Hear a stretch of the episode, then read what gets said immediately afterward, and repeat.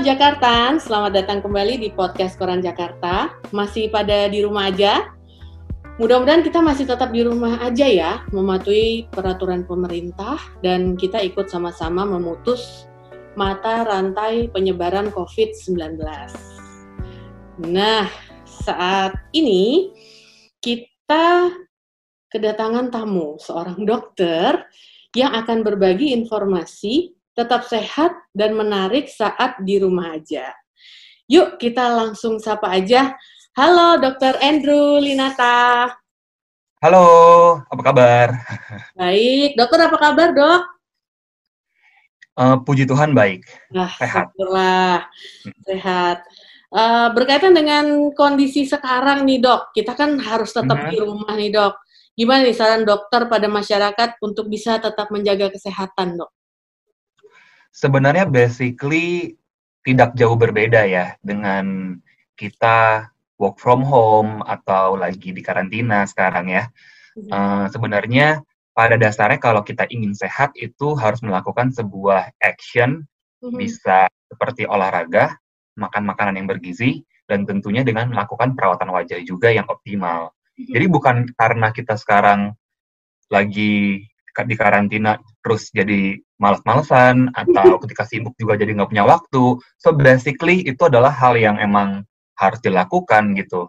Mm-hmm. Jadi sebenarnya asalkan emang kita punya dasar-dasar yang tentunya menjadi kebiasaan kita, kebiasaan yang bagus, ya pastinya di, di, di, dilanjutkan saja. Mm-hmm. Mm.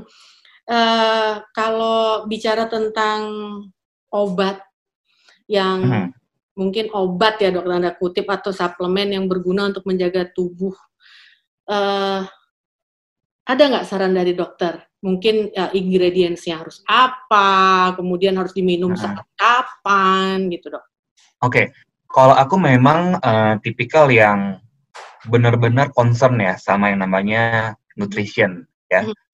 atau kesehatan juga ya. Kalau vitamin-vitamin yang aku konsumsi itu pada dasarnya adalah sesuatu yang aku kurang bisa dapatkan dari makanan-makanan yang hmm. uh, kalau dalam bahasa medisnya makronutrien hmm. ya makanan-makanan yang memang kita harusnya makan seperti buah sayur dan lauk lainnya jadi aku membatasi itu dulu tuh jadi ketika aku kurang mendapatkan asupan nutrisi atau vitamin aku baru uh, mencarinya dari vitamin. Nah, apa aja? Biasanya aku booster-booster seperti vitamin C, ya. Terus aku juga aku sambil lihat nih, mm-hmm. aku juga ada vitamin sore di sebelah mm-hmm. uh, tempat saya kerja. Dan aku konsumsi juga vitamin D3 ya. Lalu aku juga konsumsi vitamin dan ini bagus banget sebuah antioksidan ya yang aku juga udah mulai rutin minumnya. Uh, kandungannya astaxanthin. Hmm, apa dok?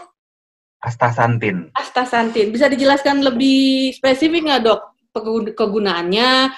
Kemudian ada di mana aja uh, dalam makanan nggak ada ya atau gimana dokter?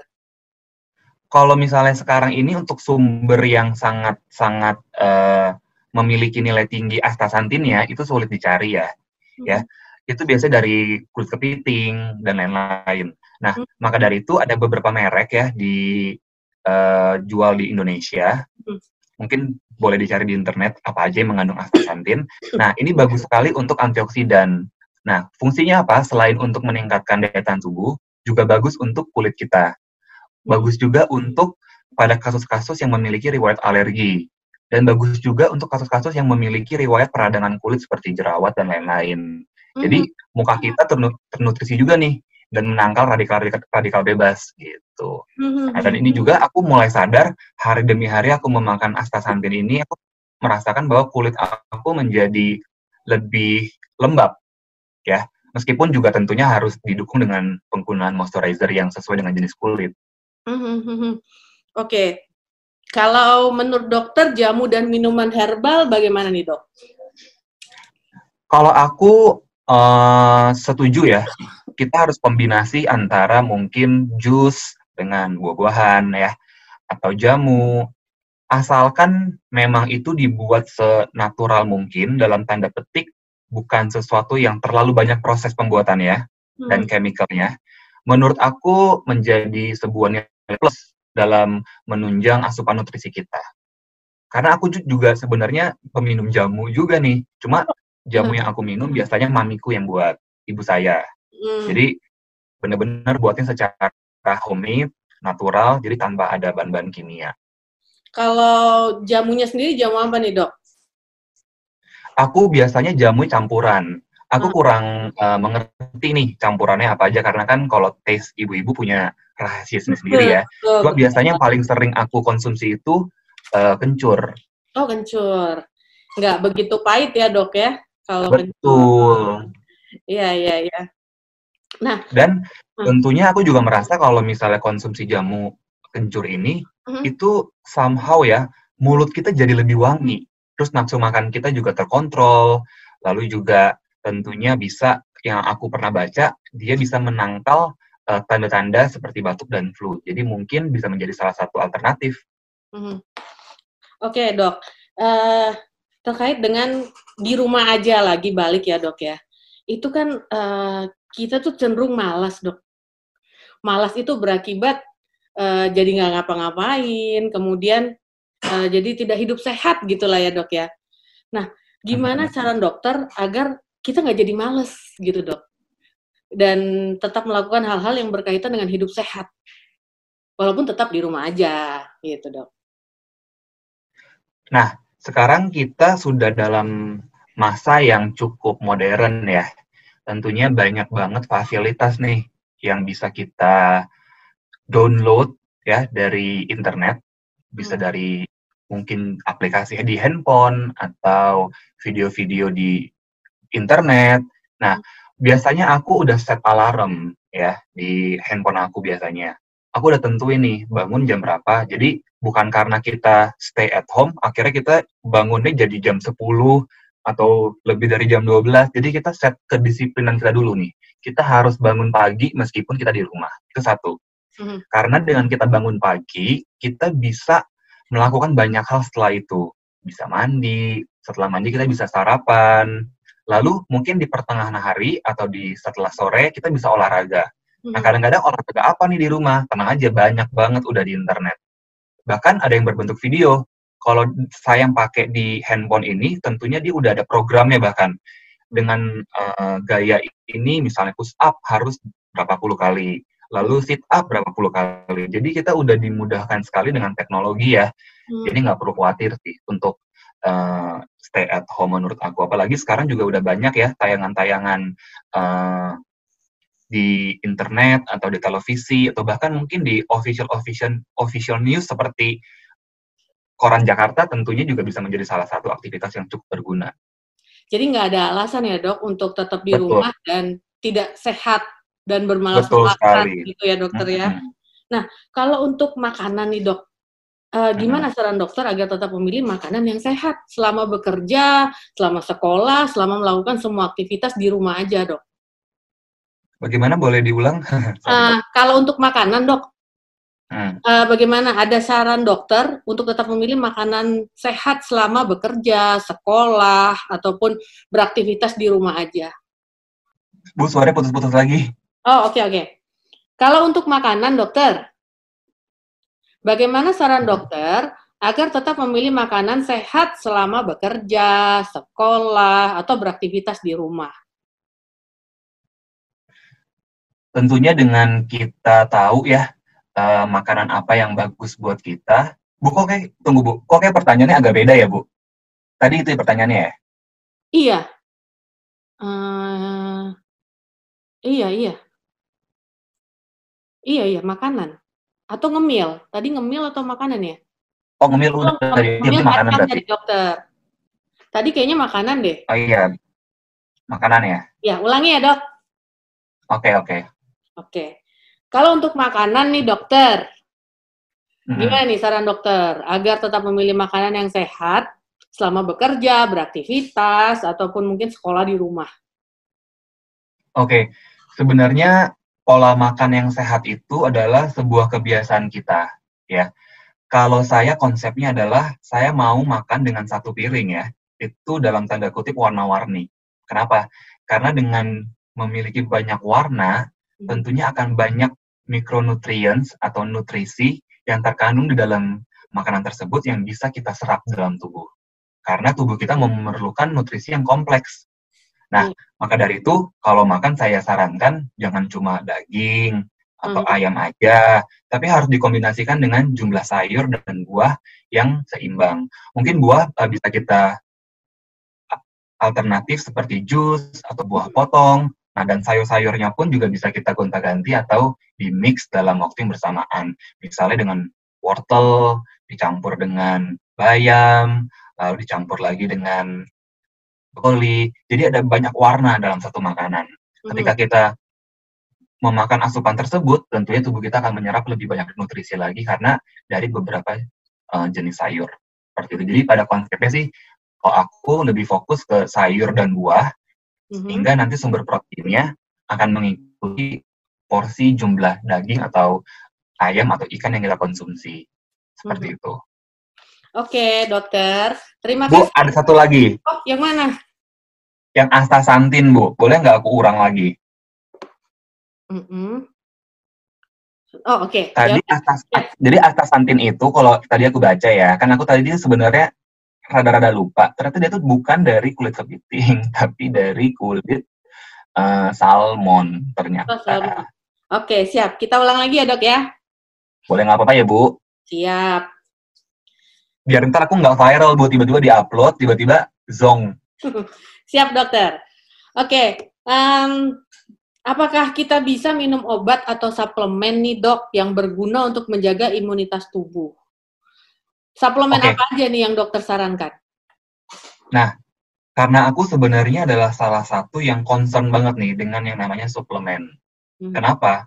Karena tentunya nggak semua nutrisi atau mikronutrien dalam tubuh kita bisa kita dapatkan dari makanan kita sehari-hari. Hmm. Mungkin karena gaya hidup kita yang sibuk, mungkin karena keterbatasan uh, tersedianya makanan di rumah kita atau mungkin karena kita kerja jadi kita nggak bisa masak maka dari itu dibutuhkanlah suplemen nah suplemen apa aja nih yang saya paling sering konsumsi ya sehari-hari ya yaitu satu vitamin C karena mungkin saya rasa kadang-kadang nggak sempat gitu untuk makan buah yang cukup atau sayur yang cukup sehingga saya butuh booster vitamin C. Lalu berikutnya saya juga konsumsi vitamin D3 karena kan saya lebih sering bekerja di ruangan tertutup ya. Jadi paparan dari sinar matahari itu sendiri pun juga semakin berkurang sehingga saya mengkonsumsi salah satunya adalah vitamin D. Lalu saya juga mengkonsumsi omega 3 hmm. setiap hari. Kenapa? Karena saya juga tidak terlalu sering nih makan salmon atau makan uh, sumber-sumber lain di putih telur dan lain-lain yang mengandung omega 3. Makanya saya membutuhkan booster juga untuk omega 3 saya. Lalu saya juga nih akhir-akhir ini saya mengkonsumsi sebuah antioksidan yang hmm. kandungannya adalah astaxanthin. Nah ini bagus banget astaxanthin ini. Bukan cuma sebagai untuk meningkatkan daya tahan tubuh kita, hmm. tapi juga bagus untuk kesehatan kulit. Dan pada beberapa kasus juga bagus sekali untuk eh, orang-orang yang memiliki riwayat alergi karena bisa membantu dalam uh, mengurangi reaksi alergi pada kulit. Nah, intinya apa dari saran saya? saran saya adalah banyak orang mungkin memiliki beberapa persepsi tidak mengkonsumsi vitamin sama sekali karena takut efek samping. Mm. Atau konsumsi vitamin berlebihan dengan asumsi lebih baik minum yang atau mengkonsumsi yang dalam bentuk obat atau suplemen dibandingkan dengan memakan makanan yang asli. Nah, saya ingin menggarisbawahi bahwa sebenarnya yang paling terbaik adalah dengan mengkombinasi gitu. Jadi bukan berarti dengan saya punya vitamin C di rumah, saya mengkonsumsi, saya mengkonsumsi vitamin C setiap hari. Tapi mungkin ada kalanya ketika saya merasa, oh hari saya makan buah nih, saya minum jus, jadi konsumsi vitamin C-nya di stop di hari tersebut. Oh saya hari ini makan sashimi nih, saya hari ini makan uh, salmon nih, mungkin konsumsi omega 3-nya boleh dihentikan di hari tersebut. Jadi di mix and match aja sesuai dengan kebutuhan, karena jatuhnya suplemen bukan harian, tapi ketika kita membutuhkan asupan hmm. lebih dan belum kita dapatkan dari makanan kita, boleh kita konsumsi suplemen. Jadi saran saya pilihlah suplemen yang kita butuhkan. Hmm. Seperti itu. Jadi jangan termakan oleh iklan ini atau iklan itu karena kalau mau dikonsumsi mau dikonsumsi semua kan tentunya berlebihan. Dan yang paling penting lagi satu hal, minum air putih minimal kalau saya 3 liter sehari. Kenapa? Tentunya dengan adanya kita konsumsi vitamin, kita memerlukan cleansing ya dari tubuh kita lebih banyak. Sehingga konsumsi vitamin itu harus diimbangi dengan konsumsi air putih yang banyak agar bisa cleansing juga sehingga tubuh kita juga lebih fit seperti itu Oke, Dokter Andrew Linata, terima kasih atas waktunya sudah ke podcastnya Koran Jakarta. Ya. Walaupun kita harus zoom-zooman nih sekarang dok untuk social distancing, tetap ya. sehat dan sukses terus ya dokter. Mm-hmm. Oke dokter, ini para wanita-wanita nih yang penasaran, kepingin tahu jawaban dokter ya. Untuk masalah kecantikan nih dokter, biasanya kan di rumah aja ini membuat uh, para wanita ini jadi malas untuk dandan atau memelihara wajah gitu ya tubuh. Apa saran dokter? Mm -hmm. Mm -hmm. Gimana Bu uh, putus-putus tadi suaranya? untuk masalah kecantikan nih dokter, kalau di rumah kan biasanya mm -hmm. para wanita ini lagi lebih cuek gitu dok untuk memelihara uh, wajah, kemudian memelihara badan untuk mengurusnya gitu ya dokter ya. Apa saran dokter nih untuk para uh, wanita yang suaranya putus-putus Bu. Putus-putus suaranya. Oke, saya ulangi lagi ya dokter ya. Ya. Uh, untuk masalah kecantikan, Dok. Ya. Mm-hmm. Kan biasanya di rumah, khususnya para wanita, itu jadi malas untuk dandan dan memelihara wajah, memelihara tubuh gitu, Dok. Mm-hmm. Apa saran dokter? Saran saya sebenarnya kita berpatokan dulu nih terhadap yang namanya body mass index ya. Jadi itu bisa diukur lah bisa kita lihat di internet kalkulator yang ada. Tinggal masukkan berat badan lalu tinggi badan lalu kita bisa lihat hasilnya. Hmm. kita berada di grade yang ideal overweight atau malah uh, kekurangan berat badan ya atau underweight. Hmm. nah ketika kita sudah tahu nih kita ideal berarti action dari kita adalah maintenance ya ketika kita tahu kita beratnya berlebihan, action dari kita adalah kita harus melakukan sebuah diet atau olahraga. Hmm. Nah, mungkin dengan acuan kita udah tahu nih bahwa kita memiliki sebuah status berat badan tertentu, itu bisa membuat kita lebih termotivasi dalam menjaga kesehatan kita. Karena tentunya uh, dengan kelebihan berat badan atau mungkin kekurangan berat badan, itu akan berkaitan dengan beberapa faktor resiko terjadi suatu penyakit. Hmm. Kalau untuk memelihara wajah, dok, ada saran nggak dok? Nah, kalau untuk memelihara wajah sebenarnya kalau aku ya, itu benar-benar memakai produk wajah yang benar-benar light. Dalam artian aku nggak terlalu banyak rangkaian-rangkaian produk wajah, karena menurut saya sesuatu yang berlebihan akan menimbulkan efek samping yang juga lebih banyak. Mm-hmm. Seperti itu. Nah, tergantung dari kondisi dari kulit masing-masing. Mm-hmm. Jadi sebuah tips ini tidak berlaku untuk general karena kulit sensitif memiliki keperluan yang berbeda dengan kulit yang berminyak ataupun kulit yang kering ya ataupun yang berjerawat. Jadi tergantung kita keluhan kulitnya seperti apa. Kalau saya ambil contoh yang kulit normal ya. Hmm. Untuk kulit normal yang tidak yang tidak ada masalah sebaiknya dengan rajin cuci muka tentunya minimal pagi dan malam dan menggunakan moisturizer yang sesuai dengan jenis kulit. Itu udah cukup menurut saya ya. Hmm. Toner kadang-kadang dibilang perlu, menurut saya uh, tidak semua toner baik untuk kulit kita. Karena toner juga banyak macam. Hmm. Ada yang berfungsi sebagai exfoliating, dan itu pun kalau dipakai setiap hari bila kulit sensitif juga bisa meng hmm. mengakibatkan iritasi juga. Nah, kalau kulit yang berjerawat, saya sarankan untuk berobat ke dokter dulu, karena tentunya kulit yang berjerawat yang cenderung berminyak itu bisa memiliki uh, banyak faktor, bisa karena infeksi, bisa karena juga salah satunya alergi, bisa juga salah satunya hormonal. Jadi ada beberapa faktor yang nggak bisa diperbaiki dari luar aja atau krim. Bisa hmm. beberapa kemungkinan harus diperbaiki dari dalam, contohnya obat minum.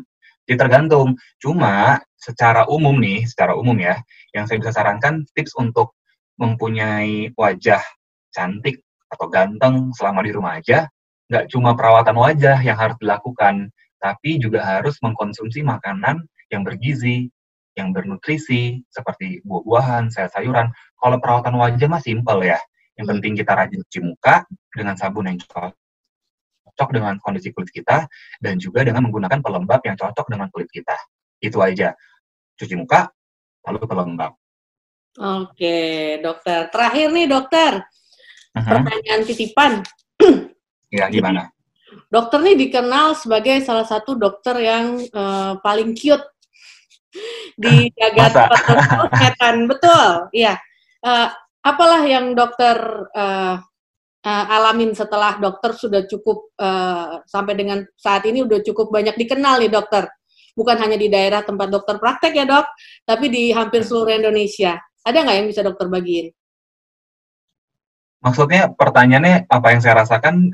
Iya, yang, tuh? Dokter, yang dokter rasain. Mungkin dokter sempat ada DM-DM tertentu atau mungkin ternyata dokter ada penawaran dari rumah sakit yang memang mungkin tidak uh, tidak di luang lingkupnya dokter di daerah dokter saat ini gitu. Mungkin seperti itu. Oke, mungkin aku background dulu ya. Uh, jadi sebenarnya aku dari umur 14 tahun ya itu uh, sempat memenangkan cover boy di majalah Aneka S. Waktu itu aku juara satu. Mm. Ya tahun 2007. Mm. Nah dari situ aku uh, mulai tuh uh, kontrak dengan beberapa agensi profesional di Jakarta. Mungkin impact-nya dari sana dulu ya. Sebelum aku memang terjun sebagai uh, dokter mm. seperti sekarang. Nah ketika saya menjadi dokter, ternyata banyak uh, cukup banyak masyarakat Indonesia uh, yang mungkin mengikuti jejak saya ya di sosial media itu tentang gaya hidup saya waktu itu karena hmm. sempat saya aktif di sosial media untuk uh, memberikan informasi tentang makanan sehat, bagaimana cara mendapatkan kulit yang glowing, bersinar, bebas jerawat. Nah, terus dengan olahraga-olahraga tertentu juga yang saya lakukan seperti yoga, body pump, body combat, sehingga mungkin itu menjadi sorotan uh, yang menginspirasi beberapa orang lah Nah, sejak saat itu ada beberapa televisi yang mengundang saya untuk tampil menjadi salah satu bintang tamu, beberapa seminar di uh, luar Jakarta ya. Waktu itu sempat di di mana itu ya? Di sekitar Bali lah, saya lupa di mana. Jadi perasaan saya adalah saya karena mempunyai pemikiran bahwa seorang dokter mm-hmm. itu tidak menutup kemungkinan bahwa seorang dokter bisa melakukan hal-hal yang seperti itu. Dalam artian memberikan sebuah kontribusi dalam bidang yang sama, tapi dengan cara yang berbeda. Contohnya menginspirasi melalui sosial media, atau melalui talk show, atau melalui hal-hal uh, online, atau melalui media lainnya. Karena ketika seorang dokter bisa memperluas jangkauan-jangkauan tentang edukasi, ya tentunya masyarakat pun juga bisa mendapatkan informasi itu lebih luas. Dan lebih banyak cara. Seperti yang kita tahu kalau kita ke rumah sakit waktunya terbatas ya. Hmm. dan belum tentu kalau kita ke rumah sakit bukan menjelekan para dokter ya belum tentu para dokter tersebut secara fisik merepresentasikan gaya hidup sehat ya kalau kita lihat. Nah maka dari itu saya mempunyai dream bahwa kita sebagai seorang dokter bahwa seluruh dokter yang memang berprofesi sebagai dokter setidaknya itu bisa merepresentasikan pola hidup sehat. Karena untuk kita mengedukasi pasien, misalnya kita di poliklinik ya, atau kita berada di sebuah rumah sakit, puskesmas, tentunya ketika seorang dokter ingin mengatakan bahwa Anda harus melakukan sebuah diet atau penurunan berat badan, tapi tidak terrefleksikan dari uh, fisik dokter tersebut, tentunya kan akan menjadi sebuah pertanyaan. Ya, hmm.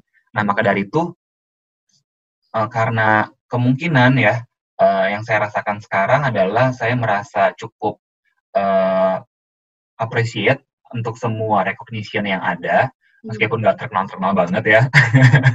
Cuma saya merasa bahwa bisa menjadi salah satu dokter yang bisa memberikan impact positif itu merupakan sebuah panggilan saya dari dulu gitu. Jadi saya bisa mengkombinasikan antara background modeling saya, background uh, entertainer saya dengan dokter saya dijadikan satu seperti itu. Jadi saya cukup merasa blessed lah uh, dengan adanya recognition seperti sekarang ini.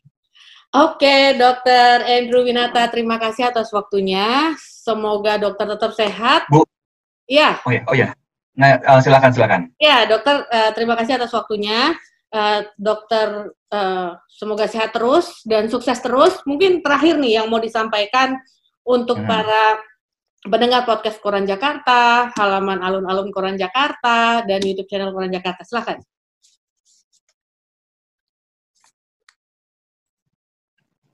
Kenapa Bu? Uh, mungkin ada yang mau disampaikan terakhir pesan-pesan untuk uh, para pendengar uh, podcast Koran Jakarta. Oh, Oke. Okay. Hai semua para pendengar podcast Koran Jakarta. Sekarang kita sebagai dokter telah melakukan tugas kita sebagai salah satu garda terdepan untuk ikut serta dalam menyikapi pandemik ini.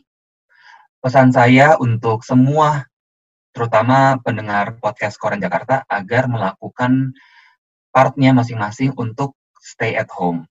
Kenapa? Karena dengan kita stay at home, tentunya kita bisa membantu secara aktif dalam memutus rantai penyebaran transmisi virus COVID-19. Dan jangan lupa, stay at home bukan berarti kita malas-malesan, tapi tentunya adalah cara kita untuk merubah gaya hidup kita karena kita punya waktu yang lebih banyak, sebisa mungkin untuk tetap olahraga, tetap menjaga kesehatan kulit, dan jangan lupa konsumsi makanan yang bergizi, konsumsi suplemen yang seperlunya, dan jangan lupa yang paling penting makin akrab dengan keluarga karena kita nggak tahu apa yang terjadi di di masa yang, yang akan datang selama kita masih punya waktu keluarga nomor satu. Oke, terima kasih Dokter Andrew Linata Bu. untuk waktunya. Iya. Oke oke Bu. ya, ada lagi dokter mungkin? Udah udah udah cukup. Oke, nanti kita lanjutkan di belakang ya dokter ya. Terima kasih ya. Dokter Andrew untuk ya. waktu Oke, okay, thank you. Sorry kalau ada kekurangan ya. Semoga sehat selalu. Ya, terima kasih dokter. Bye. Oh. Thank you. Bye. Ya. Demikian podcast Koran Jakarta untuk kesempatan kali ini. Semoga Jakarta mendapatkan banyak insight menarik ya untuk bisa tetap sehat dan menarik saat di rumah aja. Sampai ketemu di podcast Koran Jakarta selanjutnya. Saya Titi. Bye.